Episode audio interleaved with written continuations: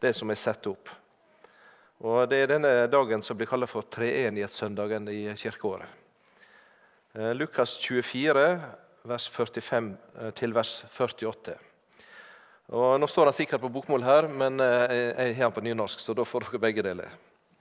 Da vil jeg lese i Jesu navn. Da åpna han for tankene deres, så de kunne skjøne Skriftene. Og han sa til dem, så står det skrevet, at Messias laut lia og stå opp att fra de døde tredje dagen, og at omvending og forlating for syndene skal forkynnes i Hans navn for alle folkeslag, fra Jerusalem og videre ut. Det er vitne om dette. Skal oss be. Himmelske Far, takk for at Bibelen er enkel og tydelig. Eh, og Den eh, peker på Jesus for oss, og den peker også på det som er Jesus' i betydning, og det Jesus har gjort. Eh, og Du ser også den ber oss her dele dette. Nå, Jesus ber at det må skje, som skjedde med disiplene. At du åpner hjertet, og at du også sender oss videre med det gode budskapet, slik som her. Amen. Trenhetssøndag den kommer nå etter pinsehøgtida. Og egentlig Tidligere så har den vært knytta til litt andre bibeltekster enn den som vi hørte akkurat her. Det har ofte vært tekster som har vært knytta til selvsagt den treenige Gud, men eh, ofte da, liksom i Matteus evangeliet i dåpsbefalinga eller misjonsbefalinga, så har det vært knytta til dette med den kristne dåp, og det har vært knytta til misjon. Eh, den ble også eh, tidligere kalt for Misjonssøndagen i eh, kirkeåret. Men her har de da valgt en litt annen tekst som er satt opp for denne søndagen. Lukas kapittel 24. Og Jeg synes nå kanskje at det er et av de flotteste kapitlene. Det er vanskelig å gradere og si at det er ene bedre enn det andre, men 24 i Lukasevangeliet henger høyt. Det er det som blir kalt for et oppstandelseskapittel i evangelieberetningene. Der du får beretninger om den tomme grav og de første som kom til grava, disse kvinnene og det de opplevde og fikk høre. Og så møtet med den oppstande Jesus. Og eh, dette er fortellinger eh, som egentlig starta litt tidligere. Og Jeg er sikker på at de fleste av dere, eh, dere har fått hørt både lest og utlagt om disse to disiplene til Jesus som var på vei til Emmaus, som var nedbråtne og skuffa og lei seg og hadde egentlig sagt at nå er det tapt alt. Så møtte Jesus dem og begynte å åpenbære seg for dem. Og Det skjer igjen i det som oss fikk høre i lag med Jesus sine venner. Det som oss kan si, Når Jesus etter oppstandelsen møter sine disipler og de Emmaus-vandrerne, og han møtte dem flere ganger, hva var det han ønsket å si? Hva var det han la vekt på? Ja, Hvis vi ser litt tidligere i kapittelet, i det, før de versene leses, så ser vi at han møter disiplene, kommer inn til dem og Reaksjonen er forskrekkelse. Det står i vers 37. De ble forferdet, fulle av redsle. De trodde det var ei ånd. De kunne ikke forstå at dette var noe mer enn en, en, en, slags, en, slags, syn som de så, eller et spøkelse, eller hva det måtte være. Og Jesus han sier da til dem, hvorfor er de forferda? Hvorfor stiger tvilende tanker opp i hjertet deres? Eh, og Her ser vi frykten og tvilen og dette som følger disiplene utover i møte med det som hadde skjedd på korset og i møte med den tomme grav. Det var ikke opplagt, det var ikke innlysende, det var ikke liksom logisk at det skulle bli sånn. Men når Jesus da, i møte med de en må nok si, engstelige og redde og tvilende, og de som sa tilbake, lukte dører hvor de var Hva slags eh, må en si, medisin eller behandling hvis en tenker det åndelig, er det Jesus tyr til? Jo, han gjør det i møte med de to som var på vei til Emmaus. Det samme som han gir her til disiplene sine. Han sier, 'Kjære, gode, elskede venner, disipler, læresveiner mine.' Nå skal jeg vise dere hvordan dette er. og så åpner han skriftrullen for dem. Det er Jesu vei i møte med tvil og frykt. I møte med de som ikke kunne tro, med de som ikke kunne hvile i at dette var sant. Ja, Jesus griper til helt konkrete ting her i dette kapitlet. Han eh, ber om mat. Han sier hvis dere ikke helt kan tro at jeg er mer enn en ånd, så kan dere ta på meg og se.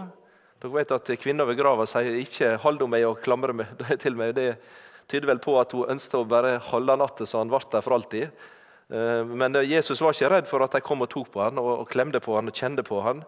Han er av kjøtt og bein, sier han, slik det ser meg. Og For å være helt sikker så spør han om noe mat. Og Det er faktisk litt uh, morsomt. I denne her uh, sterke opplevelsen som de har, så er det så veldig konkret, der han spør om noe å ete. Og de ga han et stykke stekt fisk og noe honningkake. står det her. Det var sikkert Jesus sin favorittmat. der. Og så fikk han spise det. Det er meg. Det er meg. Til og med maten som jeg, som jeg får, det er den jeg liker best. Dere kjenner meg ut og inn. Jeg er ikke et, et, et, en illusjon eller en drøm eller et spøkelse eller hva dere er. En innbilning, eller, men det er meg i kjøtt og blod. Jeg er oppstanden, den levende. Åpne Skriftene, sier Jesus til dem.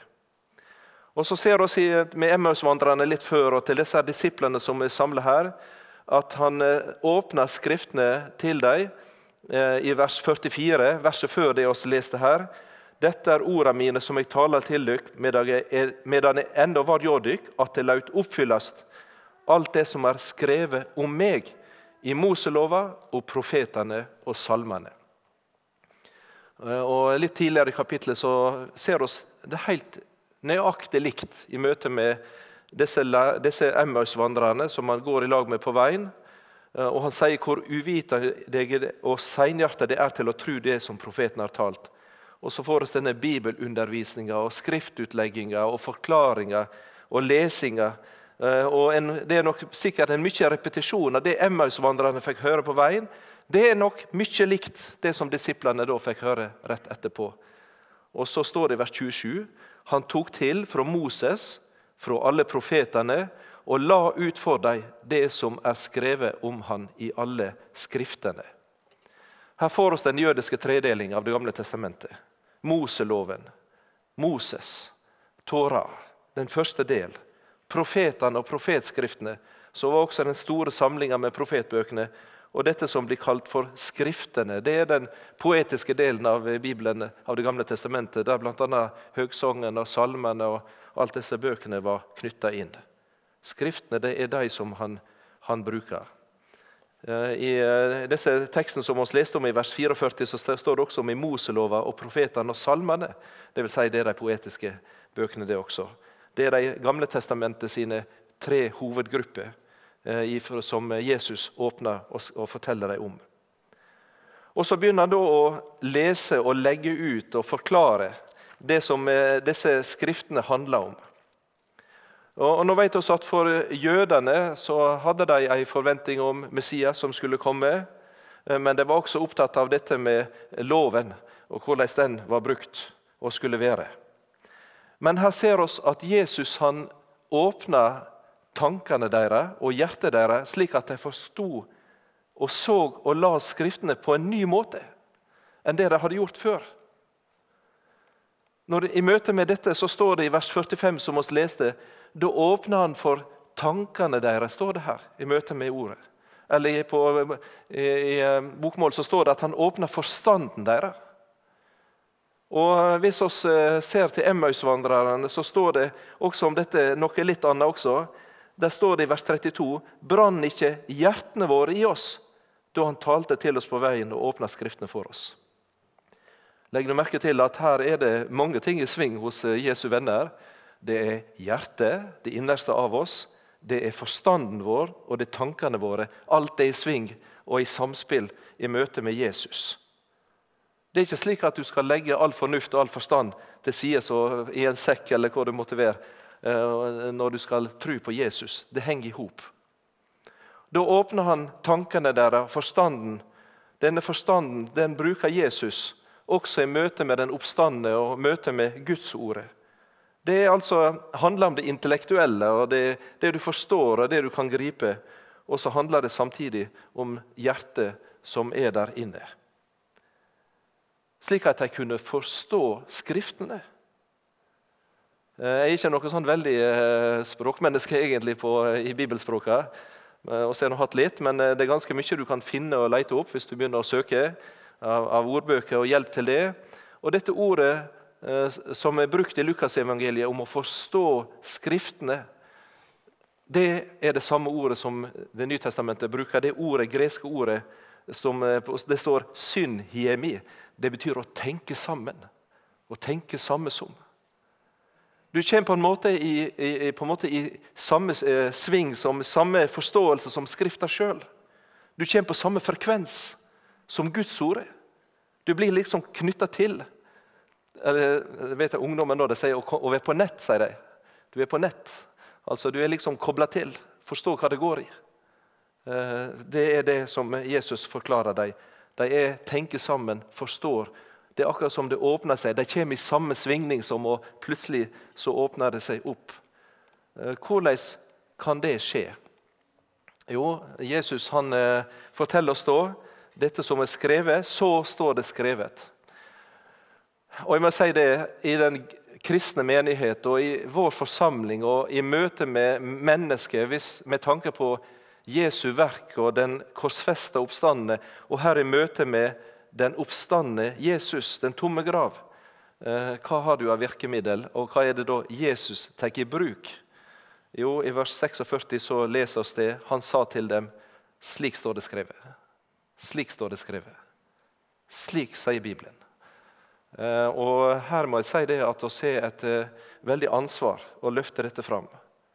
Eh, jeg vet oss hørte ofte Audun Odland på Fjellhaug han var med og arrangerte dette her felleskonferansen som var med Billy Graham i sin tid. Kan huske Alle disse sangbøkene som lå trykka på Fjellhaug etterpå. Det var svære møter med overføring på skjerm og greier. Og Han snakket en del om oss, om han. Jeg har aldri kjent så mye til han, men jeg fikk en gang høre han eh, direkte på BBC, på satellittradio. Det var etter denne terroraksjonen i 9-11. denne her eh, flyet som fløy inn i disse Twin Towers. Og Da ble det en minnegudstjeneste i Washington DC. Da talte Billy Graham eh, over romerbrevet. Eh, og Da kom disse ordene som Billy Graham ofte bruker. The Bible says. Bibelen sier en av våre største evangelister som vi har hatt i vår tid, i dette århundret. Bibelen sier. Og så ble det til hjelp for folk som var i mørket, og som lette etter svar. Det står skrevet. Bibelen sier. Bibelen taler om. Ja, hva sier den da? Jo, sier Jesus, at Messias måtte lide og stå opp fra det døde den tredje dagen og at i hans navn skal omvendelse og syndes forlatelse forkynnes for alle folkeslag. Det står, det står det i Bibelen. Slik står det skrevet. Hva er det som skjer her? Hva er det som skjer her? Jo, Jesus, den oppstandende Herre Krist, han sier Bibelen taler om meg, og Det gamle testamentet taler til meg og så begynner han å legge ut til dem om det som er skrevet om han i alle skriftene. Eh, også har vært i Tanzania i ti år. og det Misjonsarbeidet det starta før krigen, med svensk misjon i starten. Og, og eh, oss fikk på en måte oppleve å være med på liksom innspurten på slutten av Irak-folket sitt, når evangeliet hadde brutt igjennom. og de bygde kirker, de poppa opp i alle landsbyer alle veier. og Elevene som vi hadde på bibelskolen, de, det var vekkelsesfolket. Den østafrikanske vekkelse. Med vekk der de hadde bønner og vitnesbyrde. Det kunne være den mest beskjedne lille jenta i klasserommet som ikke åpna munn, men hvis du spurte om hun kunne be, så spratt hun opp, og med sterk røst så ba hun til Gud.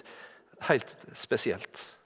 Og det er slik at De gikk fra nabo til nabo og delte og fortalte om dette som de hadde sett og fått oppleve, om Bibelen, og så ba de. Eh, på slutten, Sist vi var der, så hadde vi litt manko på lærere. og Så ble det spørsmål om vi kunne få noe sånn kortvisitt. Eh, Oddgeir Nordland var ute en tur, og så fikk vi også tre måneder sammen med Ole Turøy. Han hadde kommet ut på 60-tallet, hadde da vært pensjonist.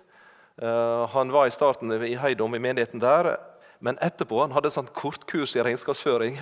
Og så putter han inn til å være regnskapsfører og kasserer i misjonsarbeidet og i synoden etter hvert bispedømme. Og det likte han egentlig ikke. Han syntes det var et ork. I år etter år var det et ork. Og han sa jeg hadde den verste jobben.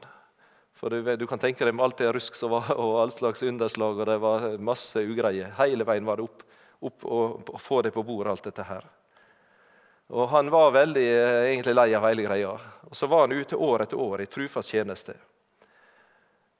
Og Så fortalte han til oss når han kom dit. Da jeg kom i tjenesten min ute så, og var første året, så skulle vi ha kurs med evangelistene.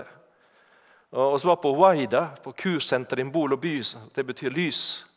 Og så hadde vi Eivik med, med, undervisning, og det var veldig enkle, grunnleggende ting. Det var katekisme med buda og Fader vår og alt dette. Og det var bibelsoga med bibelfortellingene fra Gamle testamentet og Nytestamentet. Og så sa han på slutten av ene kurset vårt så hadde vi ordet fritt.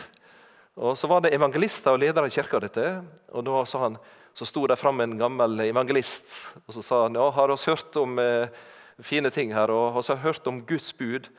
Og Han sa den gamle evangelisten, men det er veldig enkle greier. sa han. For du vet at det står ikke du skal ikke stjele. Og, og jeg stjeler ikke. Jeg stjeler ikke. Det er helt i orden. Og du skal ikke drive hor. Ja, jeg er gift og har kona mi. Ingen andre. Så det, han, han liksom kryssa ut alle bud etter bud og sa at se, her er jeg. Jeg har det i orden. Og Ole Ture sa jeg ble så skuffa og nedbrutt. Og jeg var en stund jeg tenkte jeg får pakke kofferten og reise hjem. Det går ikke. Så kom han natt, eh, da på slutten av 90-tallet eller over i 2000. Jeg husker ikke helt året. Og Så fikk han være tre måneder på bibelskolen. Det var mange tiår etter han starta. Og så var han med på vekkelsesmøte torsdagsmøte, når køa var lang nedover veggen, da skulle de fram og dele det de hadde fått. Og Det var jenter, og gutter og eldre menn. Jeg husker en han heter Borra Ølle. Han altså, han, mor hans hadde kalt, han var sikkert født en dag det var drikkefest i landsbyen, og så ble han kalt for Ølle. Og Så sto Ølle der og vitna om eh, livet sitt. Og han sa ingenting. Denne, han var evangelist, han også, eh, om at dette var veldig enkelt, men han gråt en voksen mann og sa at jeg, jeg har mislykkes i å holde Guds hellige, gode vilje. Jeg har mislykkes. Fortalt om ting som ikke var godt. Men så kom dreiepunktet. Jeg har den Herre Jesus. Og han er blitt alt for meg. Han, den oppstandende, den levende, og den som døde på korset for mine synder. Han er blitt mitt håp og min redning. Ja, Ole Ture han var sikkert følelsesmenneske, han også, men du som han gråt de tre månedene på bibelskolen.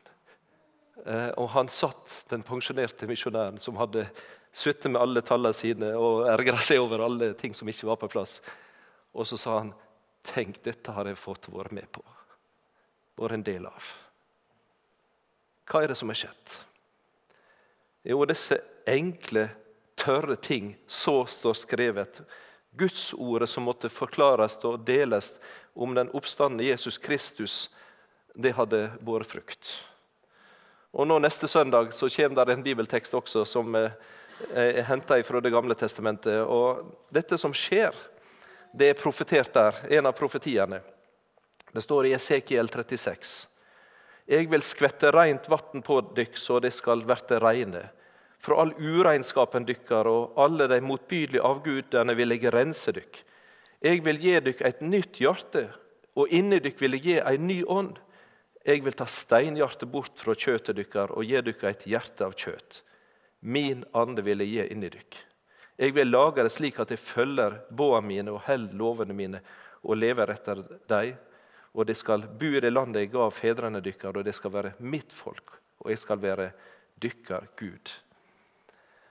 Profetien fra Det gamle testamentet forteller at en dag så skal det komme et nytt folk og en ny pakt.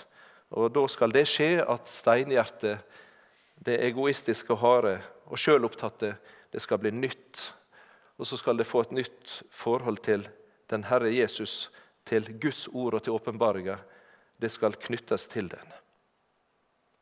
Og Det må jeg si er noe av det som jeg synes som er et av de virkelig store kjennetegn på den levende trua. Dere er det i dag, selvsagt, fordi dere vil være her og komme i hop. Men det er også dette at en har fått en ny kjærlighet til Guds ordet og til det som blir sagt. Et nytt forhold til det.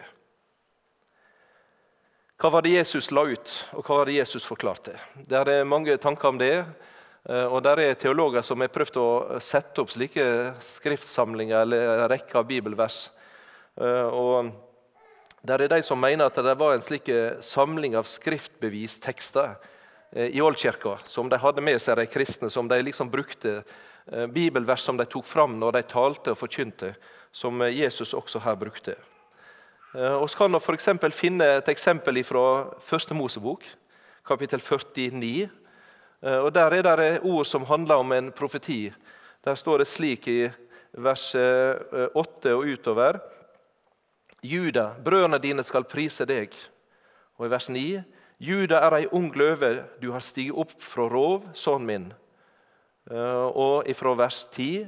Kongespir skal ikke vike fra Juda, ikke herskerstav fra føttene hans, til dess fredsfyrsten kjem, og folka lyder han. Og så videre. Ifra lova så kommer denne om fredsfyrsten, eller eh, denne som allerede fra Eva skal knuse slangen sitt haud. Eller ifra Abrahamsløftet til velsignelse for alle. Det følger en utover. Og Så er det også et eh, ord fra Salmenes bok, altså Skriftene. da. Der har jeg plukka, der er veldig mange, men Salme 22, som Jesus sjøl bruker på korset. Min Gud, min Gud, hvorfor har du forlatt meg? Og Der har vi dette eh, ordet som beskriver korsfestelsen. Eh, der han blir blitt hengt opp, og skriver det i Salme 22. Eh, lik vatn er jeg rent ut, alle mine bein skillag. Mitt hjerte er som voks, det er smelta inni meg.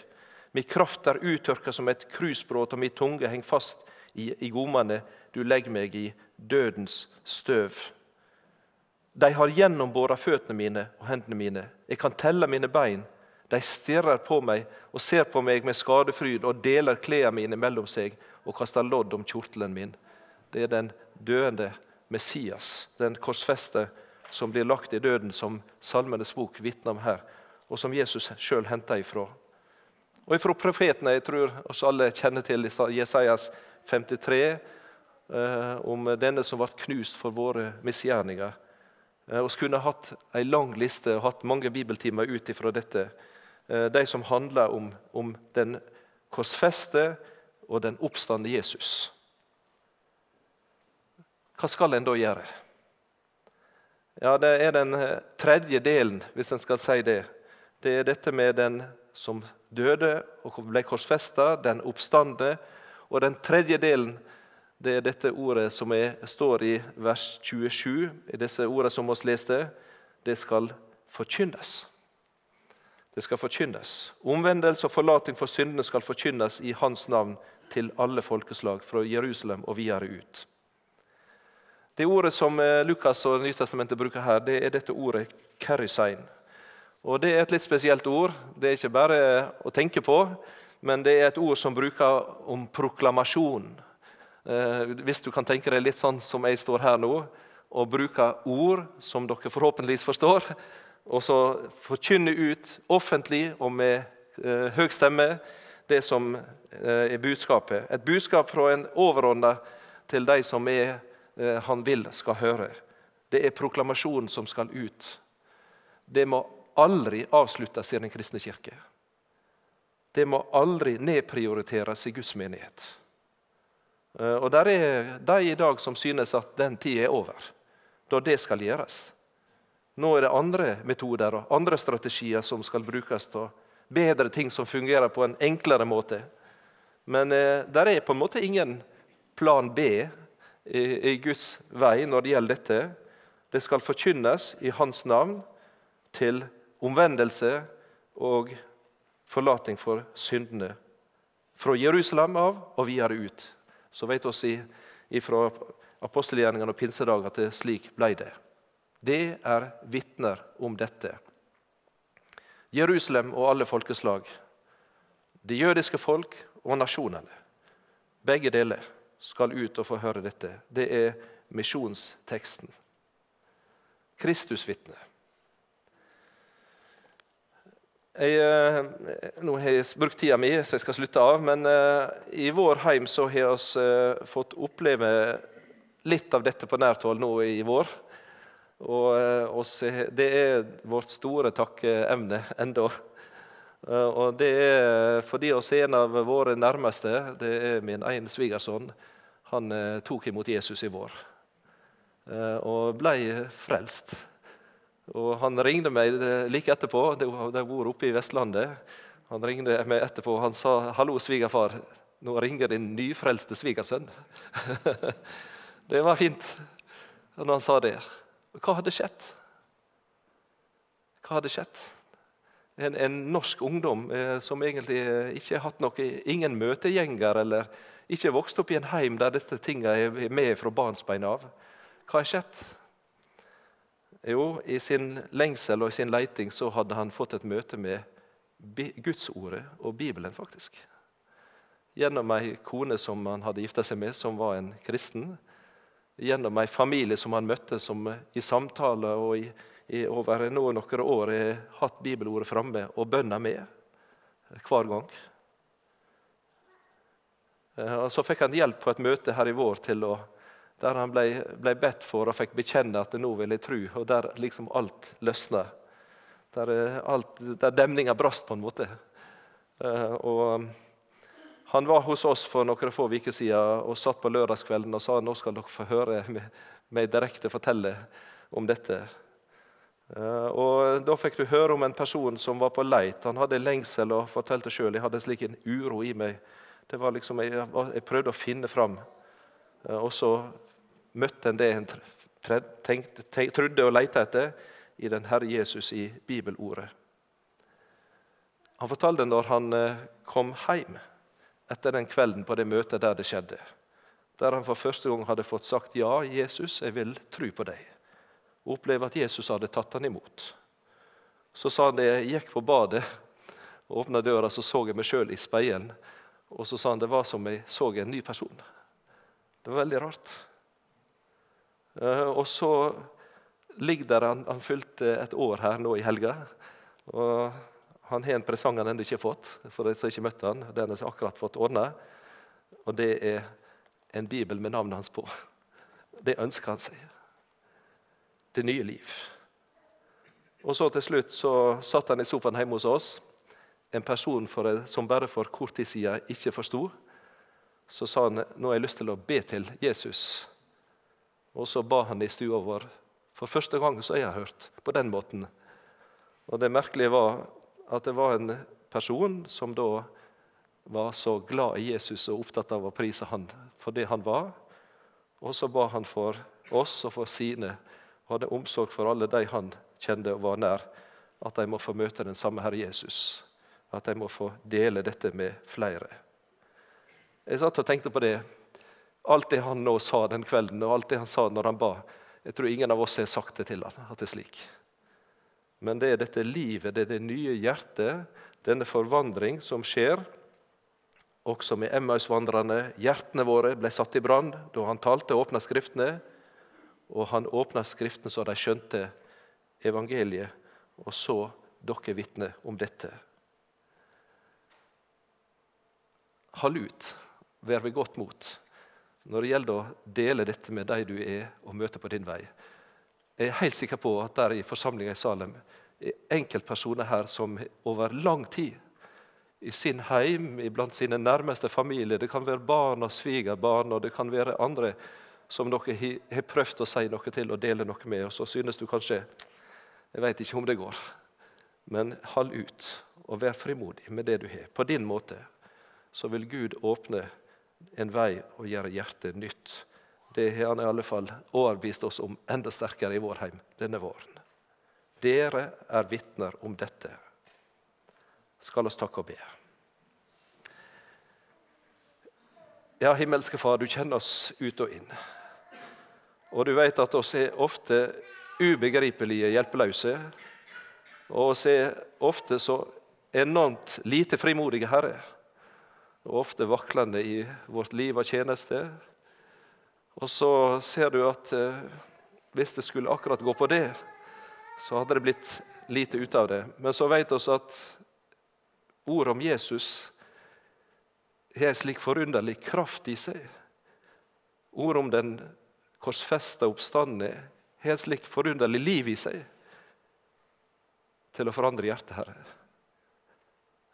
Det virker i seg sjøl så smått og så enkelt og egentlig lite, men så vet vi og ser når du åpner øynene våre, at det er det største. Det er skatten vår, Herre. Det er livet vårt. Det er Guds rike og frøet som blir sådd i tørr jord, og som kan bære frukt. Og så, Herre, gir du oss av og til noen slike glimt av det. Takk for det misjonsarbeidet som vi har fått være en del av. Takk for den virkelig innhaustingstida som vi fikk se og være vitne til i Øst-Afrika. Alle de hundre og tusener som kom til tru. Ikke fordi misjons, misjonærene og misjonsfolk og de som sender dem, alt var så spesielt, men fordi Gudsordet var så spesielt som de delte. Og så ber Herre at det må skje hos oss jeg ber Herre at du må gi oss frimodighet i heimen vår, og at vi kan bruke ordet og bønner også når vi er i lag, når vi eter og samtaler, Herre. Eh, åpne veier inn til hjertet og ber om vekkelse og nytt liv. Og Jeg ber for Salem, Herre, at Guds ordet virkelig kunne bli delt med kraft og frimodighet. At det kunne bli oss til eh, frelse og bli til eh, et misjonsfolk som deler dette videre ut. Du ser Stavanger by, Herre, og det norske folk som er så grepne av gudsforlatthet og, og fiendskap, Herre. Men så vet vi at ordet om den korsfeste oppstandende, Skriften, også er kraftfull til å endre på det, også i dag. Herre, la oss ikke miste trua på det, men la oss dele det. Og la det da bli velsigna og bære frukt, Herre. Amen.